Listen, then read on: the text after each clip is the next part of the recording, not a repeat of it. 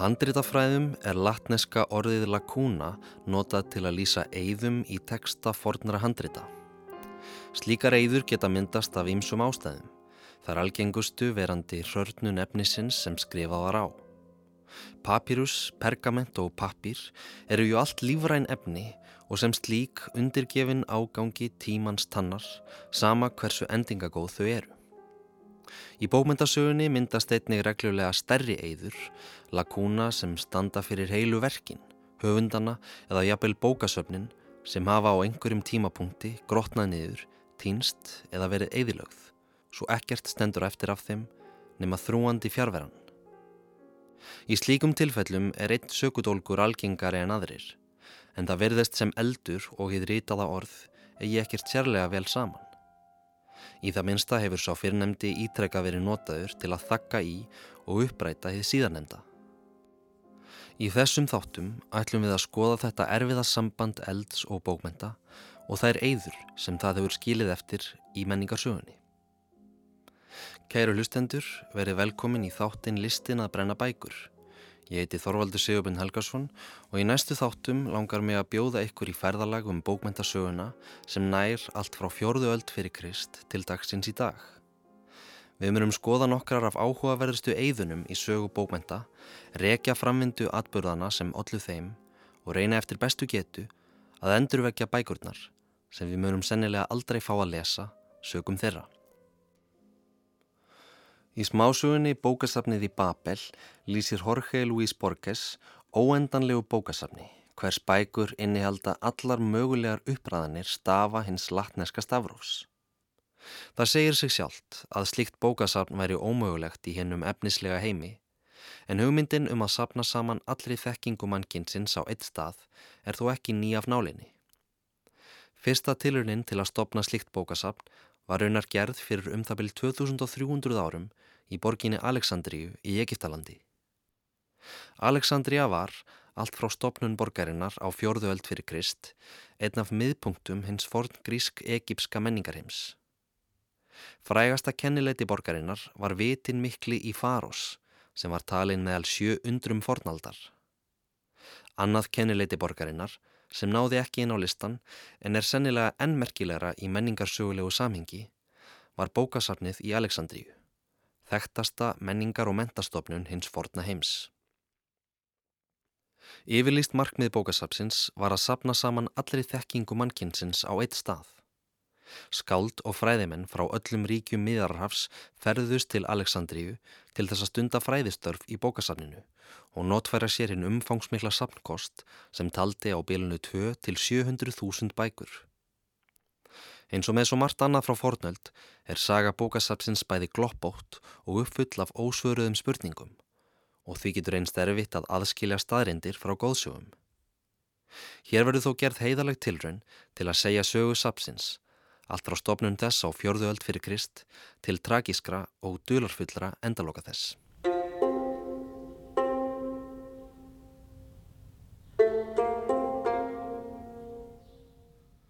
Hafnarborgin Aleksandria stendur við sunnanvert miðjararhaf. Borgin er svo næst fjölmennasta í Egiptalandi og árið 2018 voru íbúar hennar um 5,2 miljónir. Saga Aleksandríu á rætur sínar að rekja allt til ársins 331 fyrir Krist þegar Aleksander Mikli lagði grunnað skipulagi hennar meðan á landvinningum hans í Egiptalandi stóð. Forn gríski sagnarittarinn Plutarkos lýsir því svo í æfisögu sinni um Aleksander að konunginum hafi byrst sín í draumi hvar gráhærður og virðulegur maður kom til hans og þuldi eftirfarandi línur og rótisefskviðu Hómers. Nú er þar ein okkur í hennu stór breymóta hafi framundan Egiptalandi. Þá ei kalla menn farei.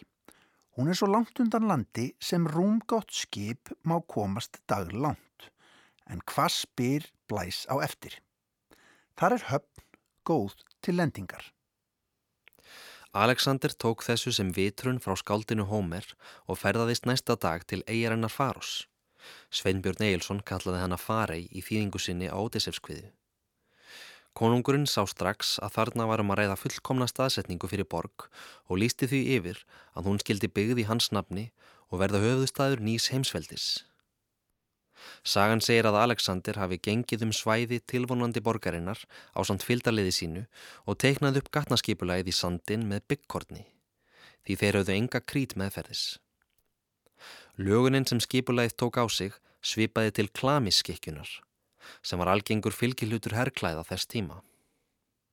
Alexander endist hins vegar ekki aldur til að sjá borgina sína rýsa því hann lest í Babilóníu árið 323 fyrir Krist aðeins 32 ára að aldri.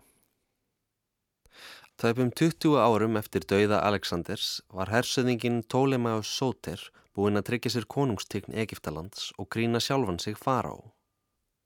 Ptolemæus var mentamæður sem rétt eins og Alexander kunni vel að meta félagsskap skálda og fræðimanna. Hann skrifaði sjálfur og á efri árum sínum ritaði hann æfisugu Aleksanders sem þótti gefa nokkuð raunsanna mynd af konunginum, en bókin hefur þó ekki varfist til okkar daga. Ptolemæus áttaði sig á mikilvægi þess að byggja veldi sitt á menningarlegum jamt sem landfræðilegum grunni og beitti hann sér fyrir því að gera höfuðborgina Aleksandríu að andlegum miðpunti hins gríska menningarheims, stöðu sem Aþena hafi gengt fram að því. Hann fór þá leið að setja á fót Aleksandríusafnið, stopnun sem gengdi bæði trúarlegu og menningarlegu hlutverki. Aleksandríusafnið var í senn hóf tilengað músunum eða grísku mentagiðinum og fræðasettur sem átti síðar eftir að hýsa hið margrómaða bókasafn. Þess ber að geta að gríska nafn stopnunarinnar, Museon, erið upprunalega orð sem orðið museum eða safn er dreyið af. Aleksandríusafnið var því ekki aðeins fyrsta alþjóðlega bókasafn sinnar tegundar, heldur hreinlega fyrsta safnið, þaðan sem öll önnur safn draga napsitt. Tólemæus réð aðeinska ræðumannin Demetrios frá Falirón til að leiða uppbyggingu safsins. Demetrios þessi var umdeldur maður, hann hafði stjórnað aðeinu sem einvaldur um tíu ára skeið og var upphaflega svo vinsætt leðtogi að um 300 stittur voru reistar af honum viðsvegar um borgina. Árið 307 fyrir Krist reðst svo nafni hans Demetrios Poliorketes inn í aðinu og laði borgina undir sig. Í kjölfar þess var Demetrios frá Falerón gerður útlegur úr aðinu og stitturnar sem höfðu verið restar honum til heiðurs mölvaðar mélinu smerra. Demetrios leitaði skjóls í þepu um nokkurt skeið en þegar bóð barst frá Tólemæjósi nýkrýndum fara á Egiptalands um að leiða uppbyggingu Aleksandríusapsins greip hann tækifærið. Staðan gaf jú bæði fyrirheit um pólitist skjól langt frá umrótinu í aðinu, auk þess að vera tækifæri fyrir Demetrius að byggja upp mentastofnun í anda líkejón, skóla Aristótelesar, sem hann hafði stundað námið á æsku árum sínum í aðinu. Ekki er vita til þess að skipulögð kennsla hafi farið fram í Aleksandríusafninu. Það gengdi fyrst og fremst hlutverki fræðasetturs þar sem rannsóknir á bókmentum og vísindum voru stundaðar. Í safninu höfðu á bylunu 30 til 50 fræðimenn aðsetur hverju sinni til að stunda rannsóknarstörf sem snýru meðal annars að því að lesa, tólka, leiðrétta og greina grísk bókmyndaverk. Bækurnar sem fræðimennir unnu með voru að sjálfsögðu töluvert frábriðunar þeim innbundnu bókum og kiljum sem fylla bókaheilur nútíma bókasafna en í Aleksandríu safninu var aðalega að finna upprúlaðar bókróllur úr papirus, klætar í leður eða línkápu og raðað upp í rekka. Setna á tímum Rómarveldis voru bækurnar skrifaðar á skinnhandrit sem gemd voru í viðarkistum. Nákvæm staðsetning bókasapsins er ekki kunn en þó er talið að það hafi verið staðsett nálegt konungsöllinni í Brúkján hverfinu. Samkvæmt landfræðingnum Strabon sem ferðaðist til Aleksandríu um 30 fyrir Krist var sapnið samtengt konungsöllinni og innihjalt gangveg með þaki, fyrirlestra sall og stóran sal þar sem fræðimennir snættu saman máltíðir. Fræðimennir við Aleksandríusafnið nutu ímissa fríðinda. Þeir voru til að mynda í fríu fæði og húsnaði í konunglega hverfi borgarinnar. Fengu greið laun úr konungssjóði og þurftu ekki að greiða skatta. Mörgum af þekktustu fræðimennum fornaldar var bóðið að stunda fræðistörf sín við Aleksandríusafnið og má þar til dæmis nefna stærfræðingana Evklíð, Arkimedes og Eratosthenes sem síðar varð yfirbókavörður sapsins og er þekktur fyrir að hafa reiknað ummáljarðar með aðeins 10-15% skekkjumörkum. Ekki voru þó allir á eitt sáttir við skipulagssapsins en það var það fyrst og fremst konungleg stopnun sem ætla var að styrkja vald tólemæjaríkisins. Heimsbyggingurinn og skaldið Tímon frá Flíos líkti því til dæmis við hænsna kofa mentagiðjana og sæði það fóðra einangraða bókaorma sem gerðu ekkert annað en að nakkrífast hver við annan. Ekki er vitað með vissu hvort það var Tólemæjás Sóter eða sonur hans og arftæki Tólemæjás Fíladelfos sem tók ákvörðunina um að útvíka starfsemi Aleksandríus Sapsins frá hefðbundnum fræðastörfum yfir í söpnun og afritun á öllum heimsins bókum. En í eldstu frásögninni af tilörð bókasapsins, hennu svo kallaða brefi Aristiasar frá því um hundrað fyrir Krist, má finna eftirfarandi lýsingu. Þegar Demetrius frá Falerón var gerður ábyrgur fyrir bókasafni konungsins var hann auðsin fjármunum með það fyrir augum að sapna saman, ef mögulegt væri, öllum heimsins bókum. Og með því bæði að kaupa og afrita bækur framfyldi hann vilja konungsins eftir sinni bestu getu. Þegar hann var spurður í návist minni hversu margar þúsundir bóka væru í bókasafninu, saði hann fleiri en 200.000 herramenn og ég mun fljótlega reyna að hækka þeirra tölu upp í 500.000. Brefið rekur frásögn hebreska fræðimannsins Aristiasar af tilur þinnar sókölluðu 70 manna þýðingu, fyrstu grísku þýðingunni á hebresku biblíunni. Brefið lýsir því þegar annar konungur Tólemæjaveldisins, Tólemæjás Fíladelfos, flutti inn 72 hebreska fræðimenn til Aleksandríu að ráðleggingu Demetriosar frá Falerun. Samkant brefinu eittu fræðimennir 72 dögum í bókasafninu í Aleksandríu við að þýða hebresku rítin yfir á grísku og var í kjölfarið verðlauna ríkulega fyrir vinnu sína. Þó að brefið þykji merkilegt fyrir ýmsar sakir, ekki síst fyrir að vera elsta frásögnin af uppruna bókasafsins, þá er full ástæða til að evast um áriðanleika þess sem sagfræðilegar heimildar. En það er það að öllum líkindum tilbúningur. Höfundur brefsins, áður nefndur Aristeas, reynir að glæða frásöks sína trúverðuleika með því að segjast sjálfur hafa orðið vittni að atbyrðunum sem hann lýsir sem meðlemur konungsýrðarinnar. Hann gerir þó þau mistök að segja Tólemæjós Fíladelfos hafa verið ríkjandi fara á og nefnir Demetrios frá Falerón sem ráðgjafa hans, þegar hann ásennilega við föður hans, Tólemæjós Sóter. Því vitað er að eitt fyrsta embætisverk Tólemæjásar Fíladelfos eftir að hann erfði krúnuna frá föður sínum var að senda Demetrius frá Falerón í útlegð. Demetrius hafði nefnilega ráðlagt sóter gegn því að gera svon sinnað erfingja krúnunar og mælt með því að bróðir hans fengi hana í staðinn. Demetrius lést svo skömmu síðar, einhver staðir í Evra Egeftalandi, eftir að hafa verið bitinn af eiturnöðru, en ekki er víst hvort um sjálfsmorð eða pólitíst launmorð hafi verið að ræða.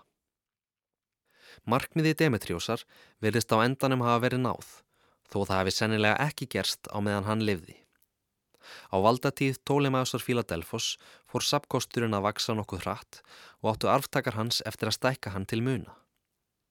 Bísanski fræðamæðurinn Jóhannes Tsetses minnist á nokkrar tölur í þessu samengi sem þrátt fyrir að vera umdeldar gefa okkur enguða síður hugmyndum hversu umfangsmikið bókasafnið var á hápunkti þess. Tsetses segir sapnkost bókasafnins í Aleksandríu hafa talið rúmlega 530.000 bækur. Þaraf voru 400.000 blandaðar bækur, það er að segja papírusrollur sem inniheldu fleiri en eitt verk og 90.000 stakar, óblandaðar bækur, auk 42.800 bóka sem staðsettar voru í dóttursafninu Serapeion. Það safn var að öllunleikinnum sett á lagjörnar á valdatíð Tólemæsar þriðja og var staðsett í söðvestur hluta Aleksandríu í musteri sem tilengað var grísk-egipska guðinum Serapis.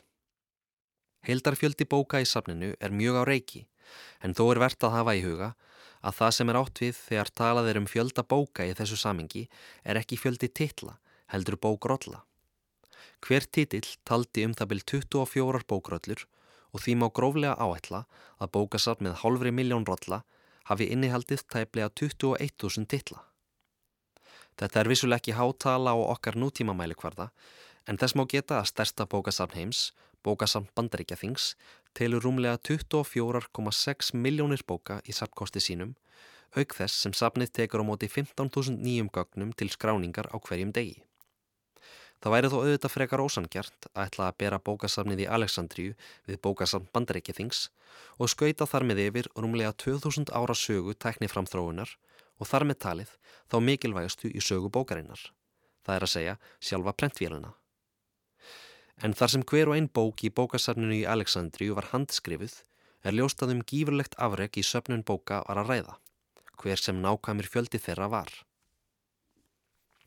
En sapnkosturinn í Aleksandriju ógs ekki af sjálfu sér og aðferðir bókavarðana við að eignast nýjar bækur voru bæði margvíslegar og misheiðarlegar.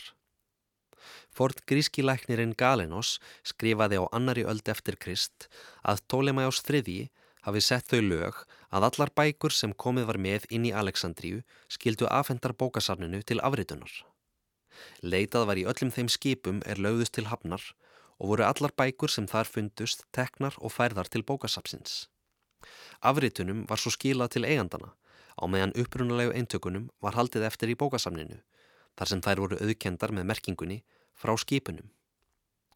Samkvæmt Galenos skrifaði Tólemæjós þriðji einnig til allra helstu þjóðarleitúa hins helleníska heims og falaðist eftir því að fá bækur þeirra lánaðar til afritunar. Frá aðinu fekk hann send upprunalega eintök af leikrutum harmleika skáldana þryggja, æskilosar, sofoklesar og evripítesar og borgaði fyrir þau tryggingu upp á 15 talentur. Einn talenta samsvaraði um það byrj 33 kílóum af gulli sem miða við markaðsverð gulls árið 2019 er tæplega 170 miljón króna virði. En þó að 15 talentur hafi svo sannarlega ekki verið neini smápenningar, þá muniði það ekki miklu fyrir faraáinn sem eins og við mátti búast fyrir gerði tryggingunni með því að halda eftir upprúnalegu eintökum harmleikjana í Aleksandríu og senda afritin til aðinu. Það segir sig sjálft að bókasafn sem telur rúma halva miljón bóka þarnast einhvers konar flokkunar og skipulags. En þar sem þarna voru enn um 2100 ár þar til að dúi-kerfið var fundið upp, er harla ólíklegt að flokkunarkerfi bókasafnsins í Aleksandríu hafi verið það sama og við þekkjum frá bókasafnum nútímans. Í safninu var þó til einn fyrsta spjaldskrá sögunar sem hefur án Eva auðveldað mörgum fræðimönnum starfið þegar þeir þurftu að nálgast upplýsingar um höfunda og ákveðin verk þeirra. Spjaldskrá þessi var í formi uppflettirits sem nefndist Pinakes og merkir töblur á forn grísku. Undirtitillin var listi yfir þá höfunda sem letu að sér kveða í öllum greinum þekkingar og skrif þeirra. Höfundur Pinakes var kýranska skaldið Kallimakos sem stundaði fræðistör við Aleksandriusafnið á tímum Tólemæjosar Fíladelfos og gengdi síðar hugsanlega stöðu yfirbókavarðar við bókasafnið. Kallimakos ólst upp í borginni Kírenu, grískri nýlendu við strendur Líbíu, en fluttist ungur að aldri til Aleksandríu og kendi þar við barnaskóla, áður en hann hlaut náð konungsins og var gerður meðlemur í Aleksandríu-safninu. Kallimakos var afkasta mikið og virt skald sem hafi sterkar skoðanir á listsinni. Hann var maður hins knappaforms og er sæður af að tekið skýra afstöðu gegn episkri löðlist í anda Hómers sem honum þótti gamaldags og úreld. Þessi fagurfræðilega afstafa hans braust út í hatrömmum rítdeilum sem hann átti við fyrrum nefnda sinn og kollega, Apollonius frá Rótos, sem síðar varð yfirbókavörður bókasapsins. Talið er að gaggrinni Kalimakosar hafi aðalega beinst að episka söguljóði Apolloniusar argórkviðu, en deilan náði hápunkti sínum þegar sá fyrrnemdi orsti nýðkvæði um Apollonius þar sem hann líkti honum við hinn skítuga íbisfugl. Eftir Kallimakosi eru höfð þau umæli að stór bók sé mikið böl. Ef til vill nokkuð kaltænislegt, ég ljósi þess að hann skrifaði sjálfur um 800 bækur og eitt stærsta verk um bókasafnið í Aleksandríu sem sögur fara af. Sjömi ljóða hans hafa varðvist fram á okkar daga eins og til dæmis eftirfarandi brot sem þýtt var af Grími Tomsen og byrtist í ljóðmælum hans.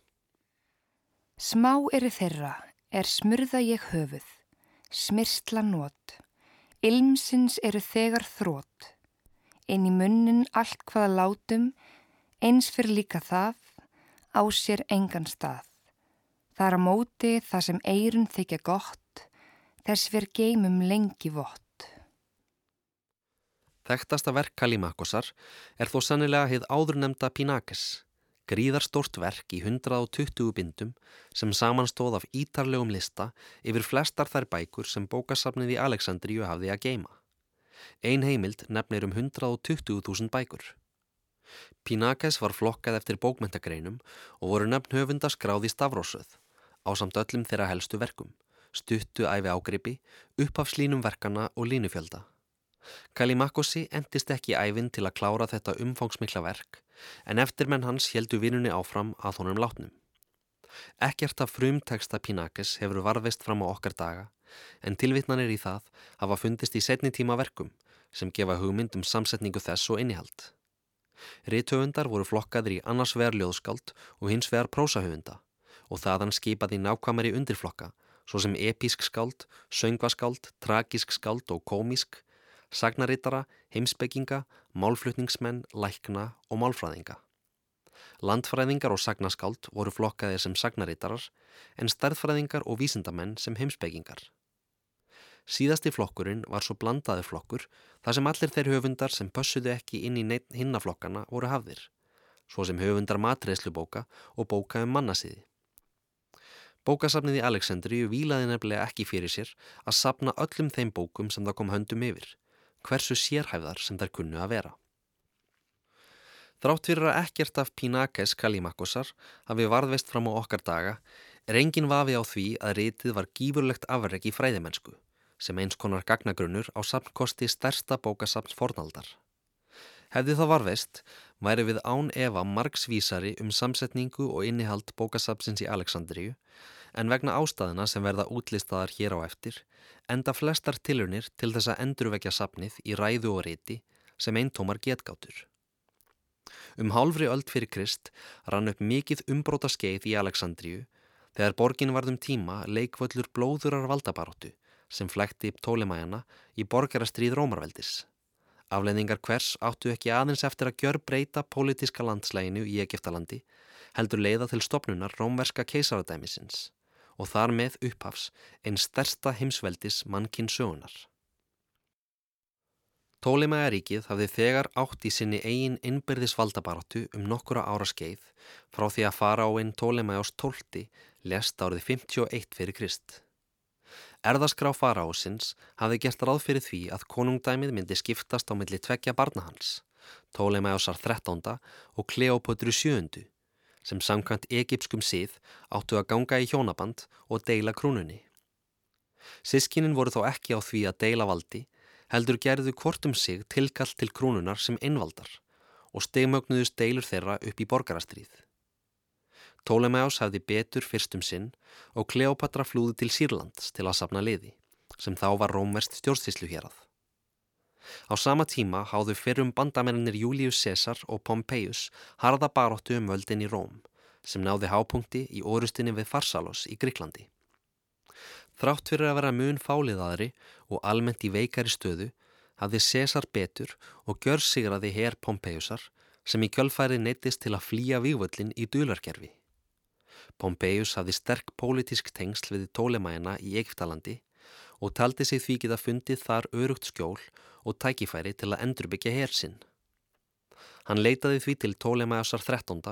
og vonaðist til þess að fara á einn ungi myndi heiðra vinóttuna sem fadir hans og Pompeius höfðu deilt með höfðinglegum mótökum. Pompeius sildi til borgarinnar Pelusium um 30 km frá Ósholmum Nýlarfljóts hvar Tólemeás 13. hafi slegið upp herbúðum. Lítill árabátur var sendur á vegum konungsins til að ferja Pompeius að landi. Í bátnum voru nokkri fyldarmenn Tólemeásar, þar á meðal höfuðismadur konungsvarðana og rómverskur herrmaður sem hafi gengt herrþjónustu umdir Pompeiusi. Fara á einn sjálfan var þó hvergi að sjá. Pompeius var tortrikinn. Þetta voru ekki mótökurnar sem hann hafi átt vona á, en hann átti ekki marga aðra valkosti og steg því upp í bátinn. Hann yrði að treysta á gestrisni tólemæðana. Pompeius náði hins vegar aldrei lifandi að landi. Hann var stungin til bana í bátnum og líka með hans hend í fjöruna við Pelusium. Aðins höfuðið var sendt áfram til Aleksandríu. Tólemæus hafði í higgju að vinna sér einn tröst Césars með því að færa honum höfuð erki óvinnarsins, Pompeiusar. César kom til Aleksandríu fjórum dögum síðar og sagan segir að þegar honum hafi verið sínt höfuð og ringur Pompeiusar hafi hann grátið sáran og kallað hersöðingjan samlanda sinn og tengdason. En Pompeius hafi verið giftur dóttur Césars Júlíu. Hvort sem viðbröð Césars voru raunveruleg eða uppgerð, þá missefnaði stráðabrugt Tólemásar rapalega. César marsiraði inn í Aleksandríu með vandsveina sína á undan sér, berandi valdatáknans, hrísknippi með öksi í miðjunni. Þetta sjónarspil espaði upp Aleksandríubúa og sérstaklega menn fara ásins, sem litu á það sem móðgun við egipsku krúnuna. César náði þó að leggja undir sig konungsöllina í Brúkejón hvar hann helt sig næstu daga og beigði þeir því að öldurnar lægði. Hersöðingin Rómerski var búin að mála sig út í horn og komin í stöðu ekki ósvipaða þeirri og Pompeius hafi verið í. Hann var einangraður í konungsöllinni með æstan múg fyrir utan og herr Tólimæðsar 13. á hraðri leið í áttað Aleksandríu. Nótt eina á meðan herr fara á sinns unga satum borgina smiklaði sýstir hans Kleopatra sér inn í konungsöllina. Hún var vafininn í teppi og borin af þjóni sínum í vistar veru Césars þar sem hún leitaði eftir aðstóð hersuðingjans við að endurheimta krúnuna frá yngri bróður sínum. Kleopatra var, eins og við þekkjum frá öllum hennar fjölmörgu byrtingamyndum í skálskap og kveikmyndum, rómuð fyrir fegurð sína og personutöfra, sem Július César var svo sannarlega ekki ónæmur fyrir. Hann samþykti að veita prinsessunni aðstóð sína og let senda eftir bróður hennar, í vonum að ná fram sáttum þeirra á milli. Tólemæðus var þó síður en svo ánaður að hitta fyrir sýstur sína í konungsöllinni og sáttatilrönn Césars endaði í dauða faraósins og steimögnun átakana yfir í hreinræktað stríð. Sem færi söguna aftur að bókasafninu. Menn Tólemæðusar voru búinir að endurheimta Aleksandríu að undanskildu svæðinu nálagt konungsöllinni sem menn Césars réðu yfir. César stóð höllum fæti og þrengt var að mönnum hans úr öllum áttum. Hann var ofáliðaður til að vernda skipin í Aleksandríuhöfn. Ef menn Tólimæjusar næðu valdi yfir þeim, meindu þeir ráða yfir görvaldri höfninni og geta stjórnað allri umferð með vistir og nöðsinar til og frá borginni. Hersöðingin Rómerski upphugsaði áætlun sem var í senn rótæk og gífurlega snjöll. Hann kveikti í öllum skipunum, þar með talum sínum eigin og kom þannig í veg fyrir að menn fara á sinn snæðu yfirráðum yfir höfninni. Eldurinn hjælt sér þó ekki bara við skipin, heldur dreifði sér í nærlegjandi hús, þar með tali bókasafnið, sem brann til kaldra kóla á samt öllum sínum 500.000 bókum. Eða hvað? Frásögnin af bruna bókasafsins kemur fyrst fram í setni tíma heimildum, löngu eftir að atbyrjurnir áttu sér stað. César minnist hvergi á bókasafnið þegar hann lýsir atbörðinum í riti sínu um borgarastriðið. Reyndar kemið það manni svo sem ekki á óvart að hersuðingin hefði viljað sleppa því að minnast á að herrkjensku bræði sem færði honum yfirhöndina í baróttunni um Aleksandríu hafi líka orsakað eigðileggingu frægustu menningarstofnunar þeirrar borgar. En skáld og sagnarittarar gripu frásögnina á lofti og kendu Césari um missi bókasapsins í Aleksandríu. Sumir fræðimenn telja þann fjöldabóka sem fórust vera á bilinu 400 til 700.000. Aðrir vilja þó meina að þær bækur sem fórust í brunanum hafi aðeins verið þær bækur sem gemdar voru í vöru skemmu við höfnina. Mögulega hinnar áður nefndu bækur sem gerðar voru upptækar frá skipunum og byðu þess að verða sendar áfram til bókasapsins. En hver sem raunverulegur fjöldi hinn að brunni bóka var og hvort sem það var bókasafnið sjálft eða bara vöruskema sem brann þá er nafn Júliusar Césars aldrei langt undan þegar rætt er um bruna bókasapsins í Aleksandríu. En þetta var þó ekki í síðasta skiptið sem bókasafni mikla varð eldtungunum á bráð. Því það eru til allavega tvær aðrar frásagnir af veiðileggingu þess. Við skulum hoppa rúm 400 ár fram í tíman og heimsækja Aleksandríu aftur á fjörðu öld eftir Krist. Borgin var á þessum tíma orðin suðupottur ólíkra trúarbræða sem öll keftust um pólitísk og andleg völd innan borgarinnar. Einn þessara stefna var trú sem á síðustu fjórum öldum hafi farið hrattvaksandi í löndunum við botni miðarhafs og var byggð á kenningum ungs pretikara sem krossfestur hafi verið í Jérúsalem árið 33. Egiptaland var á fjórðu öld orðið partur af rómerska keisaradæminu en allt frá því að Konstantínus Mikli varð fyrsti rómarkeisari til að láta skýra sig til kristinar trúar á dánarbeði sínu árið 337 fór kristni smám saman að ná yfirhöndinni í keisaradæminu. Árið 380 lögleiti keisarinn Theodosius I kristni sem opinbert trúarbröð í Róm og samhliða því var öllum opinberum stuðningi við eldri heiðin trúarbröð hætt. Í hönd fór ferli þar sem flestum helgum stöðum heiðinu trúarbræðana, svo sem hofum og söpnum, var lokað og þau í kjölfarið rifin. Áhrif slíkrar kerfisbundinar upprætingar var sennilega hverki fundið sterkar fyrir en í borg eins og Aleksandríu, sem í gegnum aldrinnar hafði byggt upp óviðjarnanlegan menningarauð og ríkidæmi á undirstöðum hinn að heiðinu trúarbræða.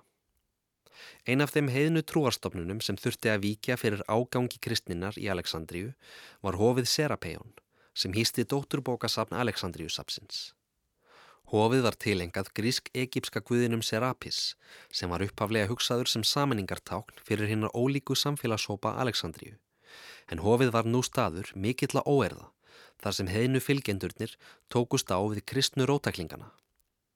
Serapeion fjall árið 391 Stittur og helgigripir Serapis voru mölvaðar og þeim hent á bál einhver sinna fjölmörgu elda sem brunnu viðsvegar um Aleksandríu. Bækurnar í Serapeion hafa sennilega endað á sama báli. Það er að segja ef eitthvað var eftir af þeim á þessum tímapunkti. En það voru ekki bara byggingar og stittur sem örðu fornarlum trúarhittans. Fólkið sem livði þessa tíma fekk einnig að finna fyrir eldinum. Starfræðingurinn, stjörnufræðingurinn og heimsbyggingurinn Hípatía var einn þeirra. Hípatía var dóttir Þeons, eins virtasta starfræðings þess tíma og gaf hún föður sínum ekkert eftir í vísindastörfum. Hún kendi bæði heimsbyggi og starfræði í Aleksandríu, mögulega við Serapeion, en ekkert af rítum hennar hafa þó varðvist fram á okkar daga. Eftirfarandi lýsing á Hípatíu er fengin af vísindavefnum. Hýpatía var sögð afar fögur, vel máli farin, raukföst og hyggin og virðist hún hafa notið virðingar valdhafa í borginni áður en kristir menn komast til valda. Einn þekktasta sagan af Hýpatíu segir frá því að nefndennar hafa orðið ástfangin af henni, en hún hafi sínt honum tusku með tíðablóðu sínu og sagt honum að það væri engin fegurð, heldur einingis þetta sem hann elskaði. Ekki er vitað hvort Hípatía hafi sjálf blandað sér í trúardeilurnar sem áttu sér stað í Aleksandríu, en sögum vináttu hennar við Órestes, borgarstjóra Aleksandríu, var þún skotspótn biskupsins Kýrilosar, sem ásakaði hennu um galdra og espaði kristna fylgismenn sína upp á móti henni. Árið 415 réðist hópur Kristina munka á hana þar sem hún ferðaðist um götur Aleksandríu í hestvagni. Munkarnir tóku hýpatíu höndum og fóru með hana yfir nærlegjandi rómerst hof sem umbreytt hafi verið í kirkju þar sem þeir mistrimdu henni hrottalega. Skröpuðu húð hennar með skeljum og flísum, skáru í sundur líkannar og brendu líkamspartana á báli. Morði hýpatíu var fagnað af sumum kirkjufræðingum á meðan aðrir fordændu það harlega. Til að mynda skrifaði samtíma maður hennar kirkjufræðingurinn Sókrates Scholasticus að ekkert geti verið fjarrri anda kristninar. Hýpatía hefur á setni tímum öðlast sess sem eins konar tákmynd og píslarvottur kvenréttinda baróttunar og hefur saga hennar verið viðfóngsefni fjölda skáldsagna og kveikmynda. Til dæmis spænsku myndarinnar Agora frá árinu 2009. Gírilós biskup heldur þó áfram að vera hildur sem einn af kirkjufæðurum og trúarstólpum katholskunnar og er hans minnst með þó nokkrum helgidögum. Ljósti er að ekki hefur verið neitt sérlega mikið eftir af einum mikilfenglega samkosti bókasapsins í Aleksandríu þegar komið var fram á miðaldir. En þó hjælt það áfram að brenna í frásögnum lærðara manna. Árið 642 var Aleksandria hernuminn af muslimskum herflokki, leittum af herfóringjanum Amr ibn al-As. Sagan segir að eftir fallborgarinnar hafi Kristinn Prestur leitað áheirnar herfóringjans og beðið þann um 54.000 bækur sem gemdar voru í konungleiri fjárhyslu. Þar eða þær kemur múslimunum sennilega að litlum nótum. Amr sendi bref til kalifans Ómars og leitaði ráða um hvað skildi gert við bækurnar. Ómar svaraði um hæl. Varðandi bækurnar sem þú spurður um, ef þær samræmast orði Guðs, þá eru þær óþarfar og engin ástæða til að varveita þær. En ef þær hins vegar fara gegn orði Guðs, þá eru þær óæskilegar og ætti að vera fargað. Bókunum var dreift á milli hinn að 4000 bathúsa borgarinnar, hver þar voru notaðar sem eldsneiti. Sagt er að þar hefði haldið böðum Aleksandríu heitum í rúma 6 mánuði. Þessi saga er að öllum líkindum setni tíma tilbúningur, en það byrtist hún fyrst á prenti rúmum 500 árum eftir að atbyrjunir áttu sér stað. Hún er sennilega aðeins róburður setni tíma manna sem ætluðu sér að sína fram á ofstæki hinn að muslimsku trúarleitua. Það er eftir vill viðegandi, nú þegar við nálgumst endapunkt þessarar frásagnar, að velta því fyrir sér hvað það var sem glataðist með bókasafninu í Aleksandríu. Hvaða þekkingu fórum við á mis með þeim þúsundum bóka sem brunnu með safninu? Hefði ekki nema ein rolla af hennum 120 bókum Pínakes varðveist, væri við eflust margs vísari um forn grískar bókmentir. Þó ekki væri nema með því að fá að vita nöfn þeirra verka sem glötuðust. Ef bókasafnið var í raun samansapn forn grískrar bókmentasögu í helsinni, eins og getið hefur verið, þá hefur það án Eva innihaldið ímisverk sem þekkt eru af afspurn en eru okkur annars glötuð. Verk eins og Margítes, týnda komíska epikómers sem Aristóteles segir í reyti sínu um skaldskaparlistina að hafi verið skopleiknum þar sem Iljónskviða og Ótisefskviða eru harmleiknum. Sapnið hefur eflust einnig innihaldið síðari bindi áður nefnds verks Aristótelesar, hvar hann fjallaði sérstaklega um komedíu og skopleiki. Aðeins fyrra bindi skaldskaparlistarinnar hefur varfist fram á okkar daga og því getum við þakkað viðleitni arabískra fræðimanna sem þýtu verkið og varðveittu fram á miðaldir. En ef til vill eru það verk Safóar frá Lesbos sem veita okkur hvað mesta von um þraut segju fornra bókmenta gagvar tímans tönn. Safó var eitt dáðasta skáld forn Gríkja. Hún livði á einu Lesbos hvar hún samti lýrisk ljóð Það er ljóð sem voru ætluð til söngs og tónlistarflutnings. Lítið sem ekkert er vitað um æfi Safór en ljóðinnar voru svo dáð að hún var stundum kölluð tíunda músan og var verkum hennar sapnað saman í nýju bækur af fræðimönnum í Aleksandríu. Af nýju bókum Safór hefur aðeins eitt ljóð varðvist í heilsinni og allt framundir lok 19. aldar voru verkennar aðeins þekkt í gegnum tilvísanir annara höfunda en á undanförnum hundrað árum hafa brotur verkum hennar skotið upp kollinum á ólíklegustu stöðum. Þar á meðal á forn egipska ruslahögnum Oxyrhynchus, þar sem bresku fornfræðingarnir Grenfell og Hunt uppgötuði rúmlega 500.000 brot af papírusandritum á árunum 1897 til 1907. Brot eftir Safó uppgötuðist síðast árið 2014 og þó að heldarfjöldi þeirra lína sem fundist hafa sé aðeins örsmár hluti þeirra nýju bóka sem Saffó er sögð að var skilið eftir sig, þá gefur þau engu að síður merkilega einsýn inn í líf þessar annars óþægtu skaldkonu. Og kvílik brot. Þessar rúmlega 2600 ára gamlu ljóðlinur reynlega titra af brennandi þrá og djúpum söknuði, eins og sérst í eftirfarandi broti sem byrtist í íslenskri þýðingu Þorstens Viljánssonar í bókinni Mundu líka mig. Þráinn skó kjartað í brjósti mér, eins og vindur sem skellur á fjallaeik. Ljóðleinunar standa förðu vel einar og sér, þrátt fyrir að hafa bókstaflega verið ripnar út úr sínu upphaflega samengi.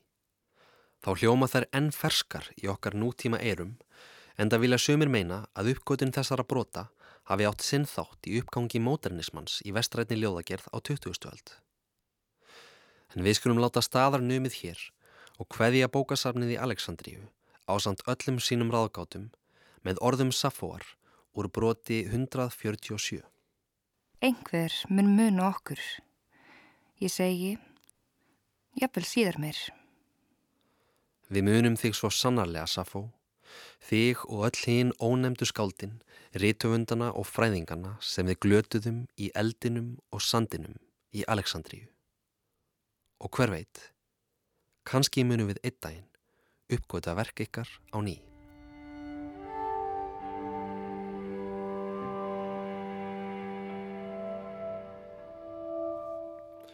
Bókasafnið í Aleksandríu er reyndar ekki dögt úr öllum æðum. Þann 16. oktober árið 2002 reist það nefnilega upp úr öskunni og var víkt við hátilega atöfn af Hosni Múbarak, fórseta Egiptalands.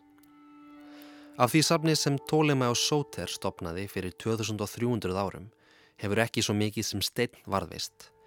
En yfirlist markmið bókasapsins eða Biblioteka Alexandrína eins og það heitir ofinberlega er þó að heidra minningu upprunalega sapsins með því að vera menta og fræðasettur fyrir 2001. öldina. Meðal þess sem er að finna í sapninu er tölvuver sem gemir afrit af öllum gögnum hins svo kallaða Internet Archive, eins konar stafrænt skjálasapn sem gemir afrit af öllum vefsíðum internetsins frá árunnu 1996. Ég veit ekki með ykkur, en mér finnst eitthvað ljóðrænt við það að svo stopnun sem hafi það markmið að sapna saman allri þekkingu mannkinsins skuli innihalda afrit af internetinu. Þeirri tækni sem í dag kemst einna næst því að uppfylla þetta markmið. Kæru hlustendur, ef þið eigi leið til Aleksandríu á næstunni, þá mæli ég eindreið með heimsókn á bókasamnið. Samnið eru opið alla daga og bóðið eru upp á leðsögn á arabísku, ennsku og frönsku. Vinsamlega statuið að öll meðferð elds er stránglega bönnuð í samninu.